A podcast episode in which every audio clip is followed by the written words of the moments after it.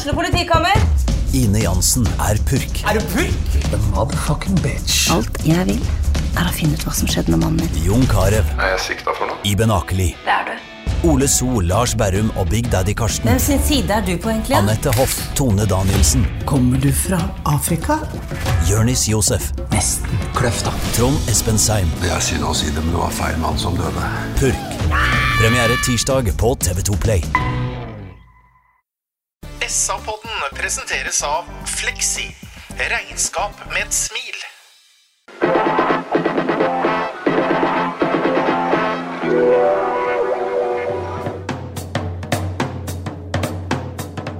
Sarpsborg Arbeiderblad gir deg en ny episode av SA-podden med Sven René Nygård, Øystein Weber, Petter Kalnes og Bjørn Inge Bingen Nilsen. Hallo og hjertelig velkommen til en ny episode av SA-podden. I dag skal jeg presentere de tre guttene, eller klovnene som jeg pleier å kalle dem i studio, på en måte som kanskje provoserer enkelte av våre lyttere, de som ikke holder med laget med de røde draktene fra Manchester. For da skal jeg presentere dem som Sarpsborg fotballens svar på den evige og hellige treenigheten i Manchester United. De som er hedret med en statue utenfor Old Trafford. Og før jeg sier noe mer, gutter, så er det et stund før dere får statue utenfor Sarpsborg stadion. For her, her sitter som en lokal variant av mannen som ofret alt, inkludert tenner og neseben, for klubben sin. Akkurat som Sven René Nygaard gjør her i podden. Sven er vår egen Dennis Law. Hei, Sven! Hei, Petter. Og her sitter playboyen, rebellen, men også teknikeren Bjørn Inge Binge Nilsen. Ja, du gjetter riktig. Jeg sammenligner han med Georgie Best. Hei, Bjørn Inge. Hei. Og så, da, den solide, den sofistikerte, den kloke og den uh, uklandreverdige Øystein Weberg som vår egen Bobby Charlton. God Tenk, dag. tenker du på hentesveisen da, Petter? Jeg tenker på hentesveisen. Takk. Jeg regner med at jeg blir heda av denne gutta. Jeg heter fortsatt Petter Kalnes, og jeg vil helst bli sammenligna som en blek kopi av en journalist som heter Stuart Mathisen, og som jobber i Manchester Evening News. Men nok om svada og drømmer for denne gang, over til realitetene, Bingen. Molde 4, Sarpsborg 08 1. Hva tenker du? Jeg tenker at det var et eh, rett resultat at Molde vinner kampen, men jeg er igjen skuffa over at eh, vi må vente helt til Fardal Oppsett kommer på banen før vi skårer mål, for vi har absolutt muligheter til å skåre mål. Men det er et stort problem for oss uh, i denne sesongen. her, sånn, og Det har jo vært et gjennomgående problem nå de uh, siste åra. Men uh, ære være Fardal for at han tar muligheten som egentlig ikke er noe opplagt målsjanse i hele tatt, men han får den inn på, på en goalgetters vis. Øystein, Vi har jo snakka om uh, mangel på tro på offensive kvaliteter og defensiv tankegang, legge seg i forsvar på bortebane osv. Men i dag så gjør ikke Sarpsborg 8 det fra start av. Det er en veldig offensiv lagoppstilling. Ja, vet du hva? I utgangspunktet så trodde jeg at dette var på grensa til naivt når jeg så lagoppstillinga, men det skal jeg bite litt i meg. For, for uh, førsteomgangen i dag, den er, eh, den er eh, all over eh, godkjent pluss, og kanskje til og med vel så det. Jeg hørte Lars Bohin bli intervjua av rettighetshaveren etter kampen i forhold til å analysere om det var noe positivt å ta med seg. Han sa det er alltid noe positivt å ta med seg, men det er litt tidlig å analysere. Vi er jo i den situasjonen at vi skal nettopp analysere sånn helt umiddelbart. Men eh, det korte svaret foreløpig det er at eh, eh, vi ser noen kjente ting på godt og vondt her. Vi ser en god førsteomgang. Vi ser ineffektivitet. Og vi ser dessverre at, eh, at vi har en, en relativt eh, dårligere da, i forhold til første omgang enn annen omgang. Men for å følge opp det siste. Jeg tror at det blir utrolig viktig at vi fikk i gang Fardal i dag med en, med en eh, scoring. Det tror jeg betydde mye for han. Og er det noe vi mangler, så er det jo effektivitet framme. Det viser jo kampen i dag igjen. Så kanskje han skal være den som låser opp døra for oss. Før vi tar litt minutt for minutt, nær sagt, Sven René, så vil jeg gjerne ha også helhetsinntrykket ditt av en kamp som eh, virka positiv lenge, men som ender jo ganske stygt. Ja, og det, det handler jo først og fremst om at vi møter et fotballag som er i utgangspunktet mye mye bedre enn oss. De har de spillerne som får den ene muligheten, og så setter de de muligheten. og Vi kommer alene med keeper, som Ole Jørgen gjorde forrige gang, med Saletros. Misser en, kan gå opp i 1-0, sette press på Molde de Luxe. Eh, vi er ikke gode nok der i de situasjonene, det er ikke noe tvil om det. Eh, mens Molde da har de spillerne som på en måte får den ene muligheten og, og setter den i golden. Men jeg må jo si at det er en del positive ting i dag. fordi at For det første skaper vi jo mye flere målsjanser. Vi gjorde det hjemme mot Brann f.eks. Og det er borte mot Molde. Så kan man stille seg spørsmål i ettertid om det er på bekostning av at vi plutselig ble dårligere defensivt. da. Fikk eh, litt lengre tid på å organisere oss, osv. Men Fardal Opseth må i hvert fall Han må spille fotball hos 08 på laget vårt. For det er ikke noe tvil om det at det, det, det, er sånn goalgetter-instinkt. Du så han lukta den pasningen din. Hæler inn den, skåra mål over tid osv. Så, videre. så nå blir det spennende å se hvordan Bohinen gjør det. For å få plass til både Kone og Fardal Opseth. For han, eh, han, må være med å bidra framover hvis vi skal kunne pynte på den offensive statistikken. Ja, og jeg håper ikke Bohin bruker et år til å finne ut av det at det å spille med én spiss, det er eh, ubrukelig sånn som vi agerer om dagen. Eh, legge om bohinen til det du kan best, og det er 3-5-2. Og så par eh, nå Fardal Opseth og Kone fra neste kamp på Lerkendal. For det eh, er ingenting, ingen vits i å ligge med en enslig svalig Kone og så sette inn Fardal Opseth. Bruk dem begge to fra start, og så får vi se om vi klarer å produsere noe. Jeg er helt overbevist om at Fardal Opseth med den foten hans og den møtende spissen han er, så kommer han til å gjøre Kone desto bedre. Hvor overraska var du Biggen, at, eh, over at Rashad Mohammed starta en kamp i Molde? Han hadde et friskt innhopp eh, mot alle odds i forhold til hva vi har sett han har produsert på trening. Så er det ikke noe tvil om at han hadde et friskt innhopp hjemme på stadion mot Brann det siste kvarter eller det siste ti, eller hvor lenge han spilte. Så det var kanskje ikke helt uventa at han gjorde det, men uh, han er nok uh, ha, Altså, vi kjente han fort igjen i dag. Det er ikke noe sting i tempo. Han kommer ikke ut av én mot én. Han klarer ikke å frigjøre seg. Han klarer ikke å komme ned mot kanten og slå han hardt nok langt nok ned for å få den løpsduellen. Men det er klart at Brann måtte Nei, eh, det er klart at Molde måtte ta hensyn til en. Det er ikke noe tvil om det. Men det var en blek utgave av Rashad Mohammed etter min mening i første omgang i dag. Men vi satt etter en 20 minutters tid Stein, og sa at dette her er noe av det bedre vi har sett i år. Ja, men jeg synes at det, altså, Førsteomgangen inneholder mm. også nyanser, da, bare for å ha sagt det. Og det ender vel med en ball position på sånn type 68-32 til slutt. Men, men, det er etter at, eh, at, Molde eier veldig mye ball i perioder. Altså Vi har perioder i den kampen her hvor jeg syns at vi står overraskende høyt mot en kjempegod motstander på bortebane. Og, og førsteomgangen den tar jeg på mange måter og applauderer. Jeg, jeg frykta at det skulle se mye mer baktungt ut enn det det ble i dag. Så, så hvis han liksom rammer inn førsteomgangen i første omgang her, og snakker om den, så, så syns jeg den får en god karakter. Vi frykta jo, eller venta kanskje, Sven, et eh, nærmest en sånn Janne Andersson-taktikk. Eh, Sverige mot Spania, da man bare legger seg bakpå og tar imot Molde. Men det gjorde man overhodet ikke. Nei, og, og, det gir meg litt uh, håp, da. Eh, fordi at Reboin hadde helt klart en plan på den bortkampen her, kontra det vi har sett litt tidligere. og og det er klart, det er veldig dumt å si det etter. Hvis man taper 4-1, da er du på en måte sjanseløs. Eh, men samtidig så syns jeg kampen sett under ett. Store målsjanser. Jeg vet ikke hvor mange målsjanser Molde hadde foruten de fire. Men vi kunne jo skåra to og tre mål, vi også. Så jeg syns det var et friskt forsøk, da. Men eh, samtidig så er det en ordentlig sånn hangover i forhold til at vi Du ser hvor lang vei vi har å gå opp imot det beste laget, i hvert fall i Norge. Mm. Eh, det vi husker før pause av målsjanse, er jo en volleymulighet fra Rashad Mohammed. Eh, jeg husker en heading fra Emil Paulsson. Også et par gode dødballer der Utvik er involvert. Også et, et, et, par skuddmuligheter der man ikke kanskje benytter muligheten til å fyre fra litt hold. Og så har jo Molde sitt, men det er en god forsvarskamp før pausebingen. Sånn både jeg tenker både kollektivt og individuelt. Ja, den blir, men, men, men, eh, det har jeg sagt tidligere, og at vi kommer til å få kjørt oss. Vi kan ikke bare spille på at vi skal være heroiske og Jeg holdt på å si øh, være defensivt sterke og så kontrollere det inn og satse på en kontring. Og så skal vi spille mot null bak uh, så mange ganger som vi har gjort i år. For det er klart Vi får kjørt oss mot Molde i dag. Molde er gode, de kommer. De har eh, motsatte bevegelser, de har veggspill. Plutselig så er de alene. De har et sånt spill inni mot oss i enkelte perioder i dag som ikke vi er i nærheten av. Altså, evne i hele tatt i laget vårt. Så det er mange kvalitetsspillere i forhold til uh, i 08. Der eh, så du skille i dag. Vi spiller klokt, ja, og vi prøver også å få de der eh, sjansene som vi fikk, som vi ikke klarer å omsette. Og det er jo ubesluttsomhet, f.eks. av Anton Saletros, at ikke han i hvert fall klarer å løse et skudd som treffer eh, Han bruker for lang tid, han er for omstendelig.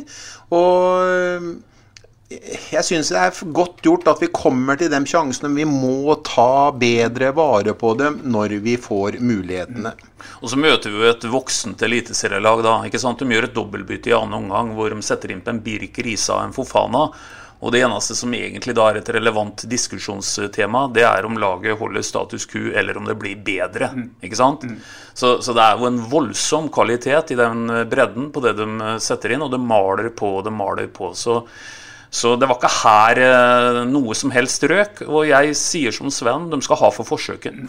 Men det som synes, det, er, det som skuffa meg litt altså Vi evner nok ikke bedre enn det vi gjør i dag. Vi, vi kunne skåra et par mål. Det har vært gjennomgangsmelodien vår nå i, i snart to år siden Mortensen dro, at vi kunne ha gjort det. Men vi evner jo ikke det, dessverre. Eh, det som skuffer meg kanskje mest, er at jeg, jeg tror faktisk at vi spiller opp imot eh, det potensialet hver og en enkelt spiller har, uh, innehar. Det ser vi spesielt i første omgang i dag. Det som skuffer meg mest, er at krydderet våre, som skulle vært Anton Saletros, han finner ikke veien til formen i hele tatt. Han er en helt ordinær spiller om han hadde kommet ifra Rakkestad eller om han kommer ifra Rostov, det er det ingen som kunne sagt, uh, fortalt meg. At dere ser at det er klassespiller, han kommer fra Rostov. Ser ikke det, dessverre. Og det skuffer meg litt. Han må finne formen sin. Det er noe som plager han om han ikke trives eller hva det er for noe, men det er jo noe som ikke han får ut. Det er noe uforløst over hele gutten, og det er noe krampaktig, og det knyter seg. Men at det Utvik og Thomassen og Magnar og Anders Kristiansen får et lite minus i dag, syns han hadde en, en, litt dårlig mur kanskje på skuddet til Ulland Andersen. Nå har han en god frisparksbot, men han skal aldri la den komme i nærmeste hjørne og la han skru rundt muren. Da, enten har han stilt muren dårlig, eller så, han, så, så, er han ikke våken når skuddet går. Men ellers så spiller vi opp imot eh, det vi, det vi egentlig kan forvente, og vi er smarte. Jeg syns Ole Jørgen for øvrig, selv om Ole Jørgen er med på å få fire bak, så syns jeg Ole Jørgen bekler høyresiden bedre enn det Rashad fikk ut av det i dag. Mm. Før vi går over til annen omgang, Sven, så er vi jo enige om at første var bra, også forsvarsmessig. Det ene minuset jeg ser, og det er liksom faglig spørsmål til deg når man, når man, blir, når man ligger dypt, så syns jeg man flytter bena for sakte. Jeg syns man, man, er bedre når man presser høyt i banen. og det er akkurat så, da, er måte, da må man på en måte løpe fortere, man må flytte bena fortere. Når man kommer dypt og føler at man har kontroll, så syns jeg det går litt seigt. Eh, man kommer sent inn i motstanderen. Eh, er, er, det naturlig at det blir sånn? Eh, det er jo ikke bare 08 som sliter med akkurat det der. Nei, det, det, det, det er naturlig. Altså, jeg, jeg, tror det handler om to ting. For det første så er Molde ekstremt gode på ett touch. De eh, har jo tross alt vært ute i Europa, vi har sett hva de har gjort der. Eh, og, og, så er det ofte sånn som fotballspillere, hvor flere du har organisert rundt deg, hvor tettere den her ramma er, så sto, begynner man å stole litt på hverandre. Man på en måte eh, tenker at kameraten tar det rommet, og det er masse løp rundt deg, og så tror bare folk at dere, Magnar tar den, og han tar den. Men, men, men jeg, jeg, tror det handler veldig mye om at, dere, at Molde er ekstremt gode på den biten der. Og så er det, som gutta prater om, altså, vi, vi, har jo ikke hatt spillere på evigheter vi som, som, tar vare på muligheter. Vi har jo ingen som er effektive. Og Derfor så er min bønn nå Jeg er helt sikker på at Fardal Opseth han, han, han, bare må inn, som jeg sier nok en gang. Fordi han må vi bare finne plass til. Altså Han får én mulighet, han. Så skårer han på første mulighet i blå drakt i en obligatorisk kamp. Og tenk deg hvem som har gjort det før. Jeg jeg tror ikke det er noen. Du finner plass til han òg, vet du, Svein, for eh, vi, vi, har jo vært innom det. Det Kall foretrukne egentlig systemet til Bohinen. Det er jo et 3-5-2. Så, så, jeg, eh, jeg gjetter på at kanskje ikke i neste kamp, for det er klart det blir en litt spesiell inngang til den òg. Vi møter et av Norges beste lag på bortebane. Men jeg er ganske sikker på at det ikke vil drøye veldig lenge før uh, Petters etterspørsel i forrige kommentar, nemlig gi Kone noen å leke med på topp, det blir en Fardal Opseth. Eh, Bingen, vurderinga der. Eh, Fardal Opseth har neppe 90 minutter i bena nå. Eh, skal han starte, eller skal han komme inn? Altså, det der er jo et sånn evig dilemma. Det er litt sånn sent å komme inn på 0-3. Spill fra start og så se hva du kan produsere fra start. Da. Så kan du heller bli tatt ut ti minutter etter pause eller til pause. Men yd maks i det du har av spilletid i kroppen nå. Så jeg ville starta med den. Ellers er det interessant det med to spisser. Vi holder oss litt til det. for vi vil jo, Jeg tror alle vi rundt bordet vil ha et, et spisspar. Jeg hørte mye på Sverige da under Spania-kampen, før og etter den. Og der er det ikke noe tvil. Altså Svensken spiller med to spisser. Om de ligger dypt som mot Spania, eller om de søker høyt, så de, vil de ha to for, for de mener at de klarer å skape noe sammen. Ja. Eh, nå har vi, vi lengta etter det her også igjen. Altså at man kan få til samspill mellom, mellom to mann. da. Ja, og, og, og, automatisk komme litt høyere i banen med dem også. fordi som jeg sier, eh, jeg syns det er kjedelig å se på Kone, som legger ned så enorm jobb for laget. Og sånn som vi så i dag også, når uh, Føre Oppsett kom inn, så bytter du av med Kone. Men altså, Kone faller da altså midt på vår egen banehalvdel, så han blir ikke noe kontringspunkt lenger heller.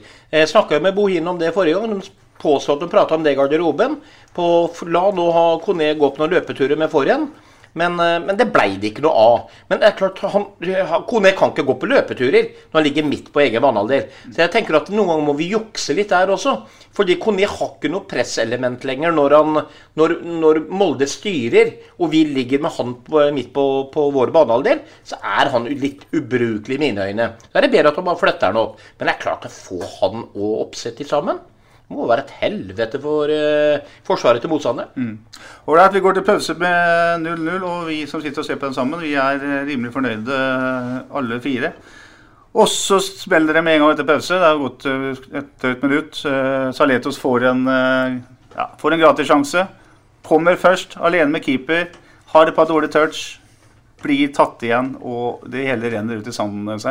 Skuffende episode for, uh, fra en så bra mann som Saletros. Ja, det er jo det. Og så vet jo alle at mål preger fotballkamper. fotballkamp. Og det er klart at det er en utrolig uh, avgjørende situasjon.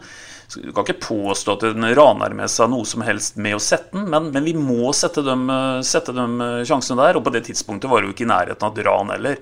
Altså I dag så var det jo en fortjent 0-0 til pause sånn sett. Men sånne sjanser som eh, Anton Saletros får der, de må, de må rett og slett sitte.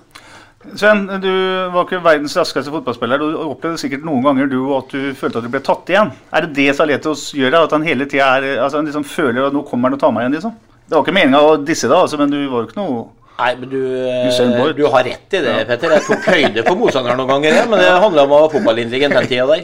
Nei da, men, men, men, jeg tror han Bingen var jo inne på Saletros i stad, han også. Eh, jeg tror jeg, jeg, Han har ikke helt trua på ting nå. Eh, og jeg er sikker på når han kommer i den duellen der, så har jeg en følelse av at han på veien mot mål, så mister han mer og mer tru. Og det tror jeg også preger hans offensive spill. Han har ikke de lekekameratene foran seg som gjør at han har trua på å være kreativ. Da, for det er klart at Gode fotballspillere trenger gode medspillere. Eh, jeg sier ikke at 08-spillerne ikke er gode medspillere, men akkurat så tror jeg ikke han har trua på at han kan være den kreative krafta. Sånn som Fernandes kan slå en pasning på Ronaldo, vet at er den pasningen brukbar, så blir det resultat. Alt er gjennomsyra, syns jeg, da, av at, der, at der han ikke har tru på løsninger lenger. og ja, jeg tror rett og slett at han eh, gikk litt tom på vei ned der og mista trua på muligheten til å skåre mål. Bør han skyte til der, Ervingen? Han bør i hvert fall prøve å presse ballen sin, eh, eller kroppen sin mellom uh, forsvarsspiller og mål, istedenfor at han hele tiden søker venstre-venstre for å få et bedre lege på foten sin.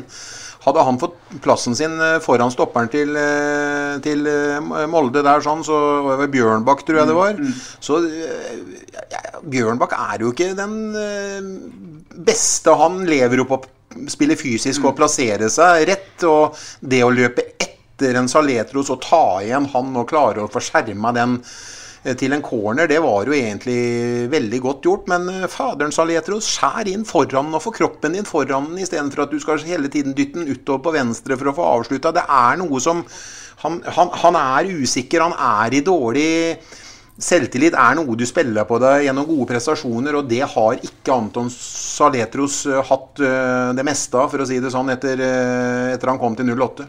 Og det er det poenget i den situasjonen der. fordi at det ender med at Saletros er til venstre på Bjørnbakk hele veien. Og går og går og går og går og kommer til avslutning. Skjærer foran der som Bjørn Inge sier. Såkalt bingen. Eh, enten så får Saletros fire meter forsprang, for han må bremse. Eller så er det et rødt kort. Det er liksom to alternativer. Så det er det instinktet, trua, som jeg føler at Saletros ikke har på de avgjørende øyeblikkene per i dag. Fardal Opseth, som ikke er den største, er jeg helt overbevist om hadde prøvd å lokke den bak seg hele veien. Og så støte deg én gang inn i kroppen på, og så plutselig ha to meter. er det du trenger for å komme til et frilege og få ladda ordentlig. Det hadde Saletros gjort alle dager når han kom til oss i treningskampene før eh, sesongstarten eller før eh, koronaen kom i fjor. Så var det jo det vi så av Saletros på Marbella. Vi så han i treningskampen mot de svenske lagene på vårparten i fjor. Det var jo sånn vi Helsikeren, vi tenkte jo at for en åpenbaring til Sarpsborg-fotballen. Vi omtalte den vel omtalte, Jeg tror du faktisk en leder en gang omtalte den som eh, den beste spilleren som eh, 08 noen gang har hatt. Ja. Og det er jo ikke nærheten av å se. Kanskje ikke det var du, kanskje det ble sagt, men uansett så har vi omtalt den som en av de beste spillerne 08 noen gang har hatt. Det sto i, Han det sto i se, alt. Han det, styrer alt i treningskampene. det, det sto i Se og Hør, eh, Bengen.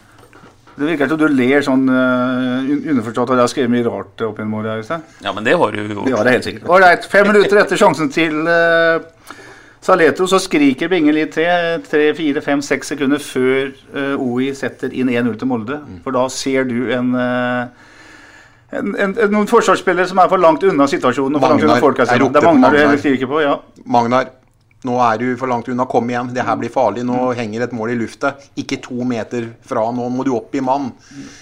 Og når den pasningen går, så er det jo ingen som klarer å snu seg og følge den pasningen der. Sånn, for da er jo Molde på sitt beste i forhold til kortpasningsmild, og det kommer en ball i lengderetning som setter alle sjakk matt. Og da, da er det for sent. Men eh, da var vi litt unøyaktig kanskje i noen sekvenser, og da snakker vi om en eh, tisekundersperiode der sånn, hvor vi kom litt på etterskudd. Og Molde hadde nok flere sånne tisekunders, eller hvor de hadde både åtte og ti trekk på oss, hvor de spilte rundt oss på 20 meter. Men vi klarte å komme unna med det. Kanskje vi kunne klart å komme unna med det, men, så fikk vi den da. Og ikke noe til forkleinelse for Magna, for det gikk veldig fort.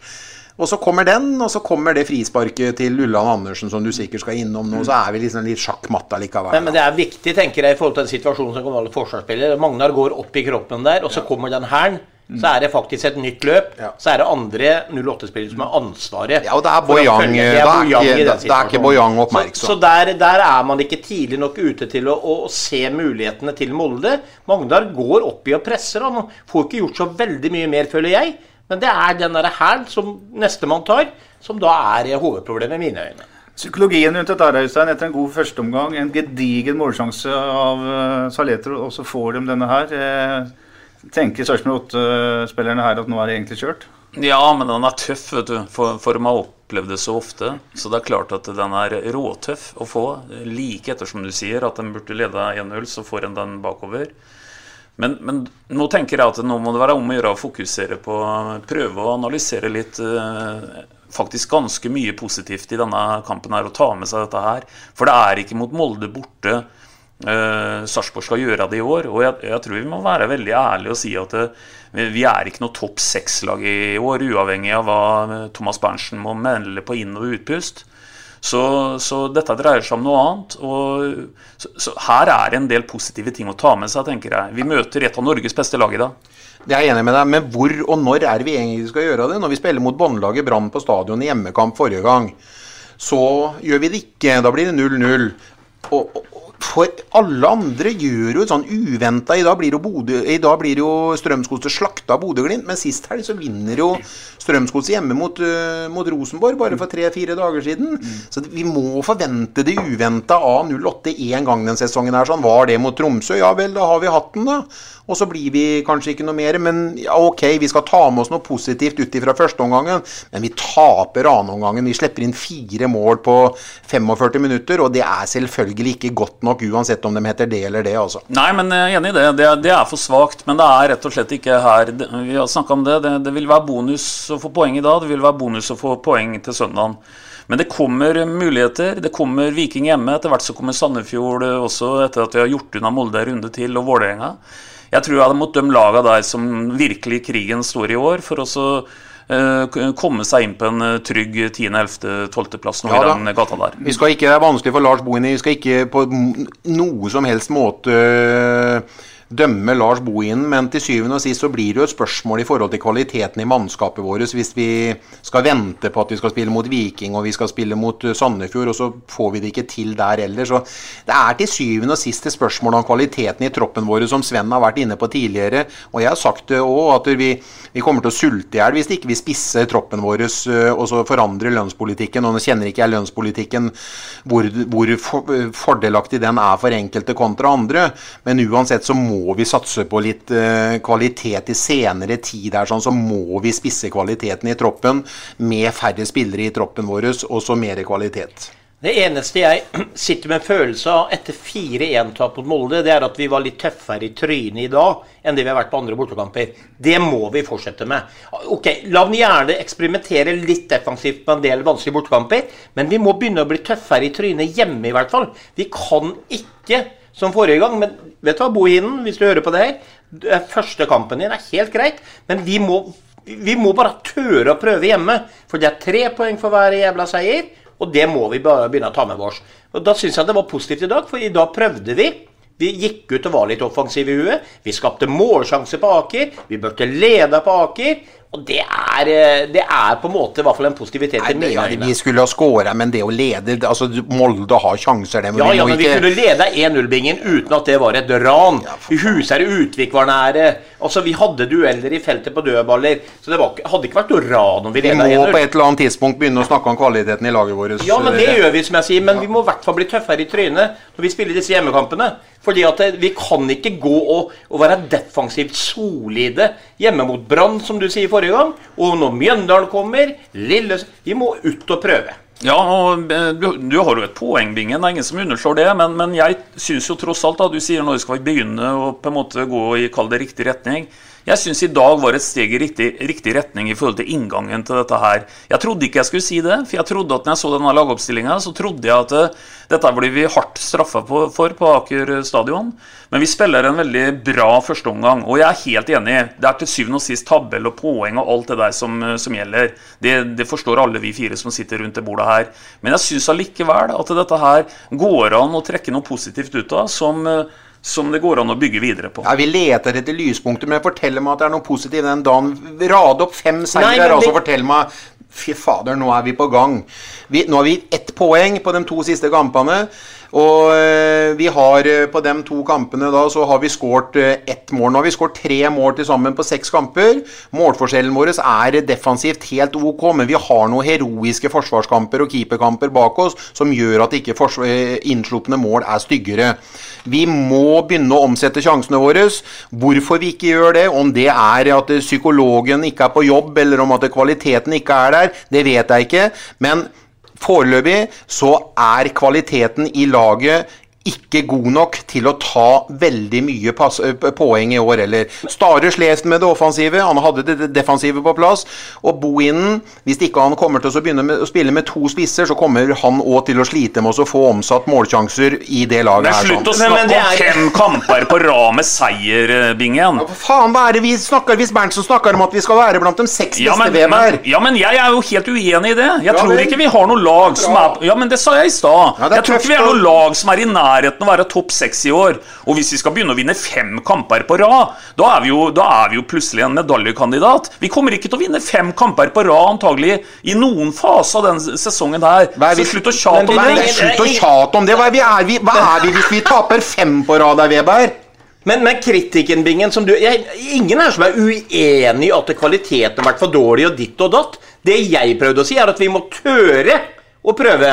Vi må tørre å være litt gærne. Vi kan ikke gå på stadion og skal spille for 0-0 i utgangspunktet mot Brann. Selv om de sikkert ikke gjorde det og kommer aldri til å innrømme det. Og de er for dårlige. Må, ja, men vi må tørre å prøve. Det er mine poeng. Jeg er helt enig. Ja, og det mener at vi gjorde litt mer av i dag. Når vi går til Molde Jeg tror hvis Stare hadde vært trener i dag, så hadde du sett ti liggende bakpå den egne banehalvdelen i nesten 90 minutter. Men vi gjorde et lite forsøk, så fikk vi den rett i trynet. Men jeg tror det er veien å gå. Jeg, jeg, for meg så høres det helt merkelig ut at det er småpent og småfornøyd med å tape 4-1 mot Molde. Nei, men Bingen, går vi midtbanen i hvert fall, og når vi prøver å skåre mål, og vi hadde muligheten til å gjøre det Altså, de andre kampene så har vi bare tenkt defensivitet. Eh, godt eh, organisert. Eh, få målsjanser imot. I dag skaper vi en del målsjanser for, og det er borte mot Molde. Og det, vi må ta med de tinga der òg. Fikk du litt av det du er ute etter i poden her nå, Petter? eller? Det er noe som heter polsk det er det ikke det? Der man uh, chatter på hverandre. Det er herlig temperatur. Det er sånn det skal være når man diskuterer fotball, gutter. Og så skal jeg uh, si følgende at vi sjekka litt uh, sosiale medier i pausa. Og da er det omkvedebingen at uh, nå har vi fått prøvd i pause. Og så gikk jo det her veldig gærent. Fire bakgrunnsmål etter hvilen. Vi har snakka om ett. Du har så vidt nevnt frisparket. Alle fire bakgrunnsmålene er enkle. Du kan jo som keeper si litt om den, den uh, frisparksituasjonen til Eirik Ulland Andersen fra skrått hold. Man trenger ikke noe analyse for å prøve å forsvare noen keeper her. Sånn for Anders Kristiansen har vi skrytt så mye av den sesongen her, sånn. Så akkurat det der er, er, det er en feilvurdering. Enten er han ikke alert nok når det skuddet går. Alle vet jo at han har en fin uh, pasningsfot eller uh, avslutningsfot. Uansett hva han gjør, om han slår uh, sånn eller sånn, så prøver han å, å, køle den ballen. Men det som er at den ballen går ikke over muren, mener jeg. Den går forbi muren. Og at enten har han en mann for lite, eller så står han feil i forhold til muren sin. Det er helt riktig at muren skal ta ett hjørne, og han skal ta det andre hjørnet. Det syns jeg er fint gjort. Men han skal ikke gå forbi muren på siden. Ja, og Da skal i prinsippet rekke bort hvis han gjør det. Ja, og da når ikke han gjør det, så har han eh, stilt muren sin feil. Ja, ok, bra. Uh, på 3-0 så blir det gjort en del bytter i 08-laget. Fardal Oppsett ville vi gjerne se. Vi ville vel helst sett den sammen med Kone, men uh, Kone ble tatt av. Det betyr vel Øystein, som du sa, at de neppe spiller sammen på Lerkendal. Det tror jeg i hvert fall. Uh, men hvilke inntrykk fikk dere av Fardal Oppsett, bortsett fra målet, Sven? Hva, hva kan han tilføre dette laget? Nei, altså, Han fikk jo ikke prega kampen noe sånn spillemessig, men, men, du ser jo at det er klokskap. Du ser løpet. Bare det at han lukter det der målet, da. Eh, og det er som jeg har sagt før, eh, Eggen, klok mann, Nils Arne, han sa jo bestandig det at de som har skåra mye mål over tid, skal du aldri kimse av. Og jeg tror han er en sånn type klok spiller. Og tilbake til én mulighet, ett mål, og det er jo våte drømmer i 08-historien de siste åra. Så jeg tror at han må få mye tid nå framover til å bevise at han kan være den som på en måte tar vare på de eh, Etter en dødball Vi hadde jo masse dødballer. Havner inn i 16-meteren han kan lukte de tinga. Det er jo det spisser gjør.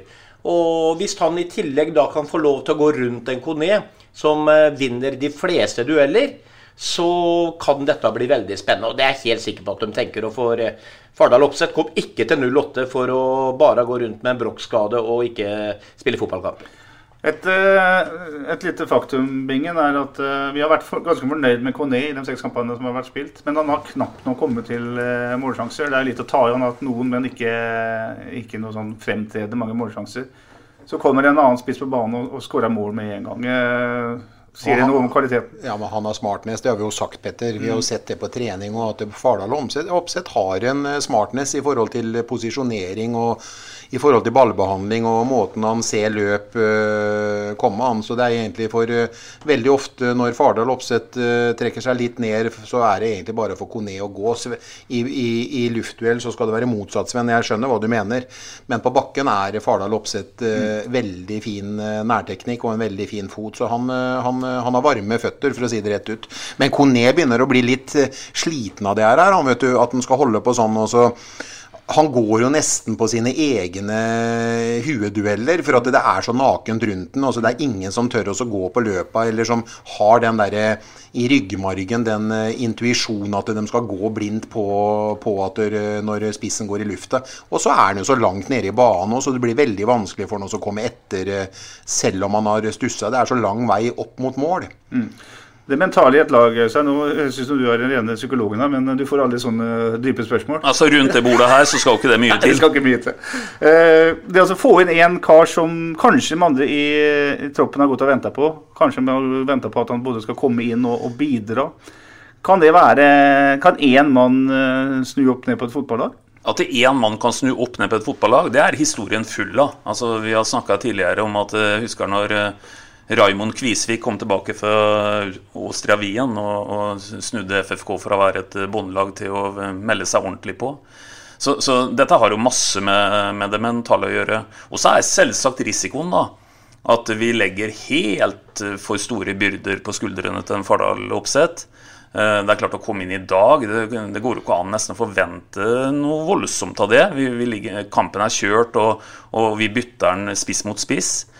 Men nettopp pga. at han uh, viser den klokskapen og står der han skal stå og skårer det målet i dag, det, det, velger i hvert fall jeg da, å tolke positivt. Han har fått uh, høl på den berømte byllen, og jeg tror det går an å forvente flere mål, mål av Fardal Opseth. Og er det noe Sarpsborg trenger, så er det en spiss som kan begynne å skåre mål. Jeg Et lede ledende spørsmål, Sven, ut fra det at vi har sagt at vi gjerne vil ha 3-5-2. Men Eh, I den blindgata, den offensive blindgata som Sarpsborg 8 nå helt åpenbart er i, er en sånn eh, formasjonsendring i seg sjøl viktig for at det skal skje noe nytt? Nye bevegelser, nye relasjoner? Det er vanskelig å si. for det er klart Du har spilt et system over tid, og det er eh det mest spennende med det er jo at du bare du får de to på topp. da. Som, som, sagt, du kan tenke deg Vi kommer til en del innlegg. Bojang kommer til muligheter. Thomassen kommer til muligheter. Men det å ha to spillere å sikte på Kanskje mange har veldig fokus på Kone fordi han er sterk. Men så har de den klokskapen til oppsett da, som lukter de her i romma. Og det beviste de da. Jeg er litt usikker på om eh, sånn som det målet oppsto, hadde Kone vært der og kunnet hæla inn den, f.eks.? Mm. Eller var det bare fordi Oppsett er den typen som ser at det, et sånn type innlegg Der kommer jeg. Også, jeg spilte sammen med uten sammenligning for en Svein Dahl i SFK for mange år tilbake.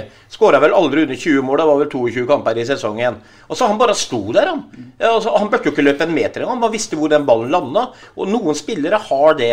Og jeg både tror og håper at han har det oppsett. Og hvis det så er, så kan dette bli innmari gøy. Men du har helt rett, Petter. Skaff Kone en lekekamerat.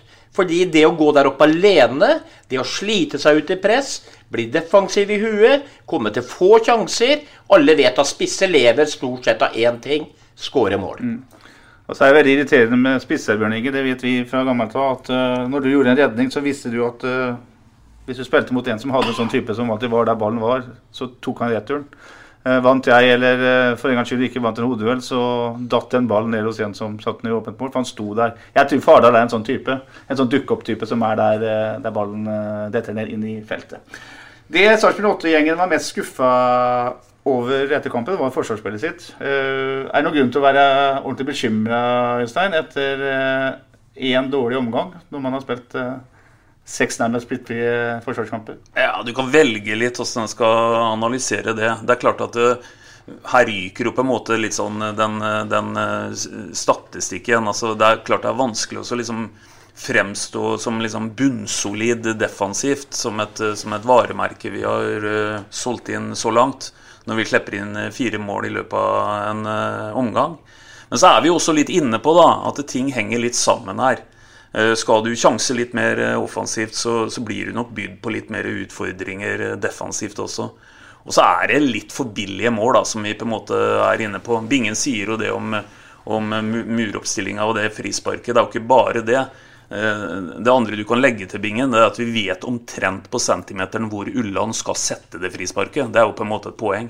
For det er jo der han setter det hver, hver gang. Så jeg vet ikke, jeg. Men, men, vi kan grave oss ned i bekymringer, naturligvis. Men vi kan også velge en litt mer offensiv inngang på det. Jeg graver meg ikke ned i bekymringer da, for Molde kjører over oss. Vi er så dype enn noen perioder. De spiller oss så dype så vi ramler nesten inn i målet til Anders Kristiansen.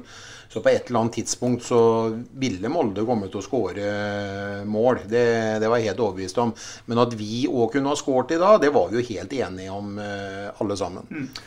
La oss uh, prøve å se framover, Sven. Til søndag er Rosenborg på Lerkendal. Uh, utgangspunktet omtrent det samme som mot Molde på Aker stadion.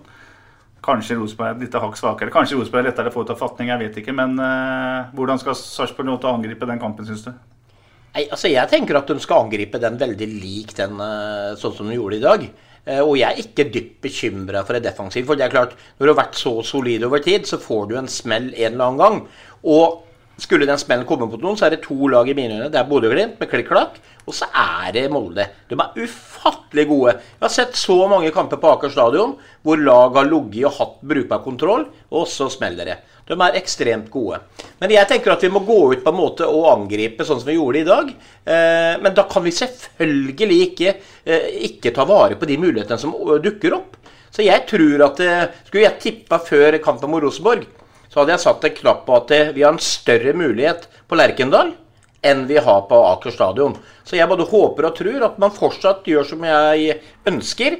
Vær litt breiale. Gå ut og prøv faktisk å vinne mot Rosenborg. Og ikke forsvar deg til ett poeng mot Rosenborg, for det kommer ikke til å gå. Jeg vil ha inn Fardal Opseth-bingen, det har vi enige om. Men er det andre spillere i troppen Er det andre som fortjener en kamp eller to på benken nå, syns du? Er det på tide å gjøre noen mannskapsmessige endringer fra den gjengen som stort sett har spilt så langt? Mm, nei, nå gjorde han jo forandring, en forandring i dag. Satt inn på Rashad uh, kontra Ole Jørgen. Mm. Uh, jeg vet ikke om han gjør det en gang til. Rashad spiller nok mye for seg sjøl. Og så vil jeg tro at uh, det kommer til å bli lagt om, lagt om 3-5-2 istedenfor 3-4-3. Og da er jo en av dem to uh, Den jeg per dags dato syns har dårligst form, hvis jeg skal legge om til en, en femmer, og som sånn, jeg faktisk ikke syns fortjener en plass i neste oppstilling nå. Hvis vi skal gå inn til to spisser, det er nok Saletros som må ut uh, for at vi skal få ofre én for å få to spisser. Mm. Interessant, Øystein. For Saletros sa jo på en måte skulle være den maskinføreren vår som skulle dra dette her offensivt. Ja, og vi er alle enige om det. At det han har levert, det er jo ikke verken til antagelig hans egne forventninger eller våre forventninger. Jeg tror at en øvelse nå fram mot søndagen det må være å senke skuldrene igjen. Og da kan jeg komme med mitt bidrag. Det gjør ikke noe om vi taper på Lerkendal. Vi forsøker å gjøre et forsøk. Og det er heller ikke der Det vil være en ren bonus hvis vi får med oss poeng der. Og jeg håper at vi får med oss noe. Men, men, og jeg er enig med Sven. Jeg ville også prøvd å gjort et nytt helhjerta forsøk. For i dag så er en kamp som faktisk jeg vet ikke om sluttresultatet blir veldig annerledes, men vi er marginer fra å skremme Molde enda mer enn det de blir i dag. Du pusser dumpingen? Jeg er glad ikke, glad ikke Veberg er trener. Nei, men, men Veberg, du, du, du reagerer vel sikkert Bingen, på at, det, at det er ikke der vi skal vinne. Men samtidig sier vi begge to at vi skal gå ut og være breiere og prøve. Og det kan resultere i vinst. Man bør ikke være redd for å Gå vel på banen ja, på banen for å prøve hver gang, vet ja, men, det, ja, men, men, men det er vel alle enige, Bingen. Er det noen som er enig i det, så er det i hvert fall meg. Jeg har aldri spilt en fotballkamp uten å ville vinne. Men du må ikke være redd å legge opp taktikk etter motstanderen borte på Rosenborg. Gå ut og prøv å sjokkere, og da vinner du fort en fotballkamp. Skal jeg fortelle litt at Nå holdt Bingen på å gå ut av studio, men nå ligger han heller langflat. Han ligger bakover ser, som en slags solseng, og ja. hadde sola skint her nå, så Han er helt enig og uenig. Ja. ja. Nei, da, ja, vi, er enig i det, vet du, Bingen, at vi går på banen for å prøve å få med oss noe. Men det er jo tilnærminga til det som vi diskuterer. da, Hva er det som skal til? Og jeg tror at eh, Når vi ser f.eks. en Anton Saletros i dag, da, som det binder seg helt fullstendig for, mer eller mindre alene igjennom, så, så Det er kjedelig å si det, men, men, det har noe med forventning og press og, og mentale ting som sitter mellom øra, og det kan vi fortsatt snakke om. Og så er vi enige om en ting, Bingen, at det er bra at Øystein ikke er eh, trener.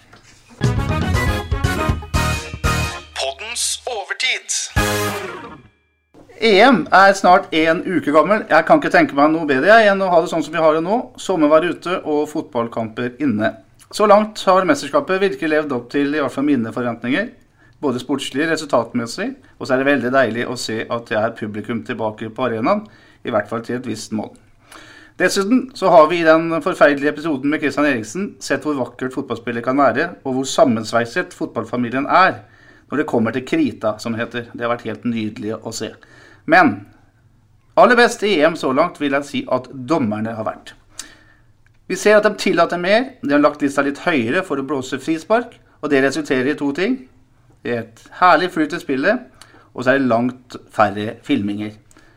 Er dette her veien å gå, Øystein, for at en idrett der filming, altså juks, faktisk har vært en veldig fremtredende del av spillernes taktisk valg, skal bli renere? Ja, det kan være en vei, og jeg er helt enig i det at, eh, at her har en lagt en hva skal vi kalle det, en forutsigbar list. da. For jeg tror at det er noe av poenget. At, eh, at du, når du går ut og skal spille en kamp, så vet du omtrent uh, hvordan dommer, dommerne skal agere i, i forhold til det. Så nå sitter guttene også og ler her, så det blir litt sånn vanskelig å holde seg alvorlig. Men, uh, men uh, jeg, jeg syns at det er et godt poeng at det, at det har vært jevnt over bra dømming. Er ikke det aller viktigste for en dommer, Sven? Å, å legge list som spillerne kan forholde seg til? Vi har jo opplevd at uh, ene kampen så blir blåst straffe der ikke blir blåst straffe i neste, f.eks. Ja, og Så påstår man jo nå at man bruker VAR litt mindre aktivt da under EM, og det er jeg i hvert fall enig i. fordi at fotballkamper blir stykka opp, folk er redd for å juble osv. Klart, VAR tar fortsatt dette med offside og, og, og klare ting. Men, men, dette med filming det har jo vært mitt problem med fotballen det siste året. Jeg blir kvalm av det. Og man ruller rundt, man uh, spiller skada, og at dommerne nå på en måte Altså, Du bør ikke være Einstein for å forstå at en Ronaldo som kommer i clinch, kan rulle mye, eller Neymar. Altså dommerne, eh, gamle Colinas huset når han dømte, han studerte jo hver spiller på de kampene og visste åssen de var. Satt øya i dem og nekta dem de frisparka. Og Sånn føler jeg det har vært litt nå, og det er jeg helt enig i. Fantastisk så langt, så håper vi det fortsetter. Nå er det ikke bare å rulle rundt og få frispark imot. Det mest, det mest imponerende eller morsomme så langt er jo at du, du, du, hører jo Dessverre så hører jo mye lyder nå, for det er lite folk på tribunen. Du hører at vedkommende blir eh, takla, i anførselstegn. Kaster seg ned og skriker som en stukken gris. Dommeren bare ignorerer den og fortsetter å følge ballen. Og han eh, apekatten holdt opp seg, unnskyld uttrykket, han hopper opp igjen og er eh, klar for, klar for neste, ja, neste, spill. ikke sant? Og det er liksom Når, når det er en, en, en spiller som veier 100 kg med muskler, så kommer bort til en som kanskje veier 80, eh, det blir skulder mot skulder, og så ruller de ut mot vannflaskene, og så ligger de igjen skada og piper for å fortelle dommeren at den her var ikke pen. Og det er klart at Dommerne er ikke dumme, vet du. Men, men, nå er det på tide at man begynner å ta et oppgjør med dette med filming.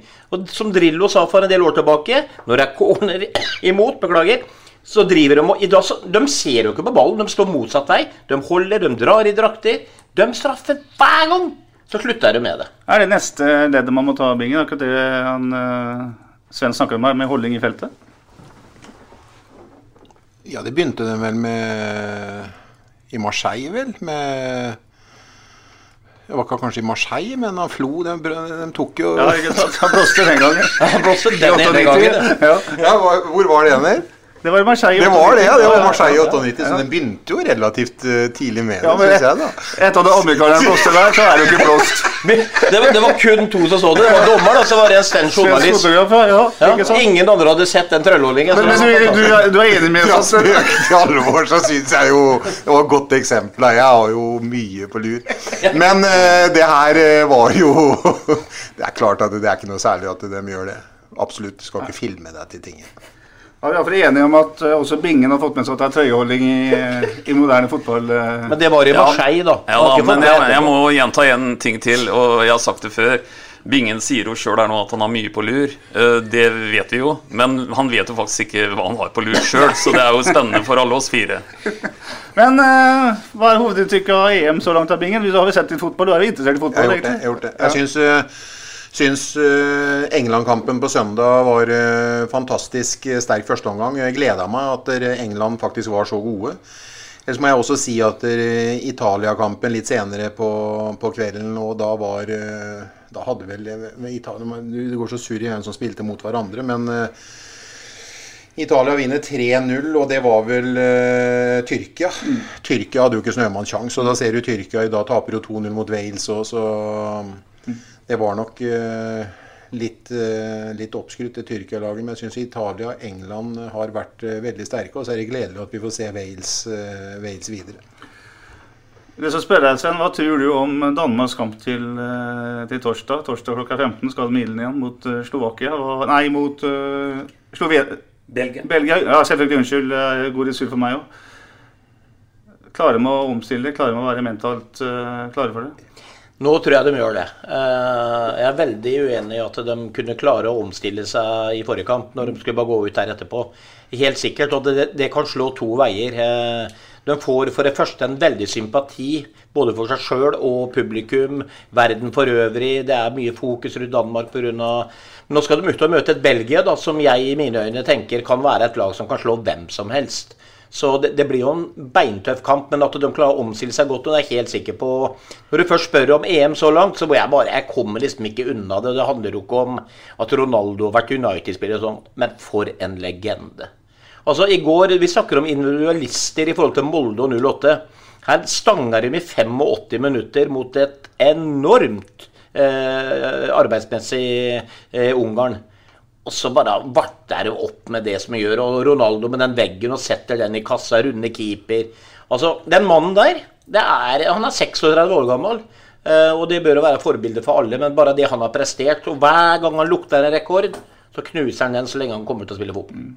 Det er interessant å se naboen eh, vår eh, Øystein, og sammenligne fotballnasjoner. Sånn, da sier fotballnasjonen Norge mot Sverige. da.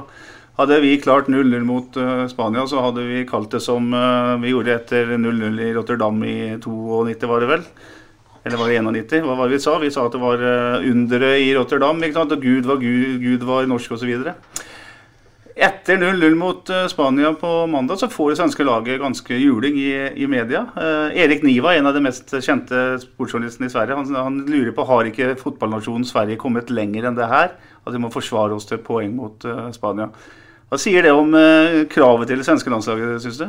Nei, litt kanskje urealistisk eh, høye. Når du først trekker fram noe fra krittida, vil vel noen si, Petter, så kan vi jo si at vi, vi glemmer jo ikke at vi slo Spania i åpningskamp i EM sjøl i 2000 mm. med Steffen Iversen med målgivende pasning fra Thomas Myhre. Mm. Nei, altså uh, Dette viser jo litt om spill og motspill. da, uh, Hvor det er mulig å faktisk sitte med, ballinnehav på uh, under 20% og likevel egentlig produsere de to største målsjansene i løpet av kampen. Så her kunne jo svenskene til og med rana med seg en, en seier. Så, men det er jo ingen tvil om at når vi snakker om disse lagene her som type Spania, og ikke minst når vi snakker om kanskje Frankrike Det nivået der er jo ikke, er jo ikke eh, Norge og Sverige i nærheten av å være på. Nei. Det er et fantastisk spill, eh, Sven, når du kan ha under 20 ballinnehav og, og ha de to største sjansene i kampen. Det er merkelig. Fotball er merkelig. Ja da, det er veldig merkelig. Det er to ting i den kampen der, for jeg så hele. Det ene er at Spania er selvfølgelig et godt fotballag, men hadde ikke den kreativiteten som de hadde på sitt beste. De har jo bytta nesten et helt landslag, så fortsatt veldig gode spillere, men ikke så spissa som eh, de gode gamle gutta. Og så har du et Sverige når vi snakker om forsvarsspill og være defensive og få kritikk, så har det med intensitet i det forsvarsspillet. Du nevnte vel noe med å flytte beinet i stad. Mm. De spiller jo nesten en ren 4-4-2, fire band som forholder seg. Og så er det jo kriging der også. Mm. Og hvis du legger til det med at de store stjernene eh, Morientes var vel med nå. Eh, og de er liksom, det er litt blek utgave, syns jeg, da, av Spania. Så. Men det er helt rett. Sverige kunne vunnet den kampen der, rett og slett for de hadde to største mulighetene. Ellers er jo det å si, eh, etter å ha sett eh, Tyskland spille mot eh, Frankrike i går, at for å dra en analogi på det, så ville jo alle vi fire rundt bordet her Vi begynner å nærme oss en eller annen form for en førtidspensjon. Tenk dere for to år siden, da tok rett og slett Løv og pensjonerte Hummels, Møller og Müller og Boateng. To av dem tar han med seg nå inn i krigen igjen. For de ble jo avskilta som 29-åringer. Snakk om eh, luksusproblemer eventuelt som en har da. Men nå er jo siste mesterskapet til Løv, og han tenkte vel at uh, her må jeg jo rett og slett bare stable på bena den beste folka jeg har. Og da ble det åpning igjen for et par av dem igjen. Hva sier du om Joakim Løvingen? At han spiser den kamelen der, som var en kjempekamel, og tar disse to karene inn igjen? Det har jo ikke fungert uh, i hele tatt. og Han ser vel at uh, noe av det som har bærekraft Er det mulig den ble litt metta? Guttene har vært uh, de, har, de har vunnet litt under løv. vet du. De har vært gode. Og de hadde jo en fantastisk kamp når det var igjen nå. Når de, ingen trodde sine egne øyne etter første omgang mot Brasil for mange år siden blir det? Semifinalen i 2014. 2014, ja. Tida går. Men det er klart at da skåra vel Thomas Müller uh, noen mål, og det har han gjort uh, fra sin dukkeopposisjon på midtbanen ganske, ganske ofte. Boateng solid stopper, men den som han lider mest av ikke å ha med seg, eh, det er jo Philip Lahm. Altså gamle kaptein og, og bekken som var en offensiv kraft i Og bare i sin tilstedeværelse var en fantastisk spiller for eh, Joakim Løv. Flott. Vi skal nok fortelle dere hvem vi tror vinner EM etter hvert. Men vi trenger vel noen flere dager før vi kan bestemme oss, tenker jeg. Men Sven, vi kan ikke bruke lengre tid på å bestemme oss hvordan det går med Sarpsborg 08 på Lerkendal. Har du trua? Ja, jeg, eh, jeg sier det nok en gang, selv om ingen var uenig i seg, at eh, jeg går i hvert fall bestandig ut for å vinne. Eh, Og det mener jeg at man kun kan gjøre ved å dra opp der med å prøve. Eh, Tilnærma litt likt i dag. Eh, Ta vare på mulighetene. Og jeg tipper 1-1 på Lerkendal. Bingen? Ja, nå tror jeg vi kan skåre mål, da. Så hvis vi klarer å skåre det ene målet, så er det ikke umulig at vi, Rosenborg er ikke så vanvittig gode. Jeg tror Molde er et bedre ut, utgave og bedre lag enn Rosenborg. Vi kan vinne 1-0, men eh, jeg tror kanskje at det er realistisk eh, å håpe på et poeng, ja, at vi kan eh, spille til null på Lerkendal. Jeg er også der at jeg er veldig veldig godt fornøyd, som sikkert absolutt alle andre, hvis vi tar med oss én pinne fra Lerkendal. Og jeg tror at Jeg tror ikke det er nå vi eh, kommer til å kanskje heller si en 3-5-2, men vi får se, da. Men jeg eh, håper på en 0-0-kamp der oppe, jeg. Jeg eh, har alltid tippa med hjertet, og derfor så har jeg en eh, sånn tippekonto som er rimelig tom. Men jeg tipper 1-0 til gjestene fra Sarpsborg, og Kone gjør sitt uh, første mål. Skal vi si at det er bra? En hektisk uh, SA-pod. Det er ingen som har krangla, ingen blå øyer. Alt er fryd og gammen. Er vi enige om det? Vi er enige om det. Og dette gikk helt knirkefritt. Ja, det var som vanlig, det her. Ok. Prekes vi etter eh, Rosenborg-kampen? Vi prekes. Det gjør vi. Prekas. Hei, hei. Prekes. SA-podden presenteres av Fleksi. Regnskap med et smil.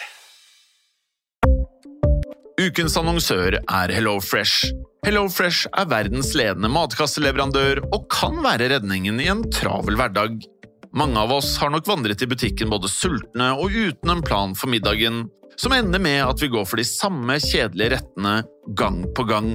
Middag burde være dagens høydepunkt. Som HelloFresh kan du nå velge mellom 25 ulike retter hver eneste uke, eller få HelloFresh til å sette sammen menyen for deg. Dette gir deg muligheten til å prøve nye og spennende retter alene eller sammen med familien. Du velger antall porsjoner og får alt levert på døren på et tidspunkt som passer for deg. Oppskriftene er enkle, og maten er lett å lage både for store og for små. Ved å få alt levert hjem får du også mer tid til å dele matgleden med familie og venner. Kanskje det frister med asiatiske tacos eller greskinspirert kylling? Da kan jeg anbefale deg om å gå inn på hellofresh.no. Her kan du bruke koden FOTBALL og få opptil 1779 kroner i rabatt på de første fem matkastene hvis du ikke har prøvd HelloFresh tidligere. Du kan også bruke rabatten hvis du har vært kunde og stoppet abonnementet ditt for tolv måneder siden eller lengre. Gå inn på hellofresh.no og bruk koden FOTBALL.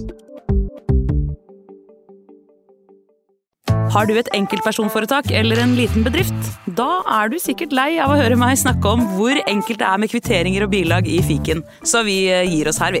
Fordi vi liker enkelt. Fiken superenkelt regnskap.